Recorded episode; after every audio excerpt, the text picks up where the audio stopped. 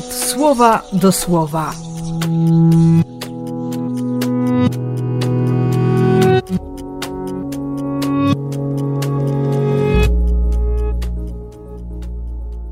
Dwudziesty piąty października, środa.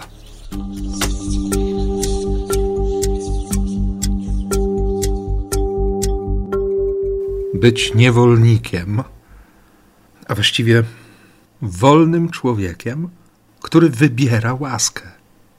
To znaczy doświadczyć wolności od grzechu, po to, by już później wybierać łaskę. I ty i ja dobrze wiemy, że, że nie zawsze nam to wychodzi, że wracamy do grzechu, że nie wybieramy łaski. Ale, no właśnie, ale On ogarnia wszystko swoim błogosławieństwem. Właśnie On ten, który oddał za mnie, za ciebie swoje życie, któremu zależy tak bardzo, że, że w ogóle się nie zastanawia.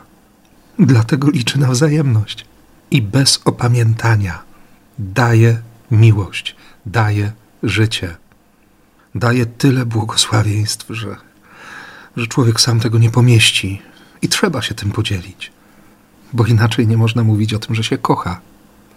A kochać to to życie oddać.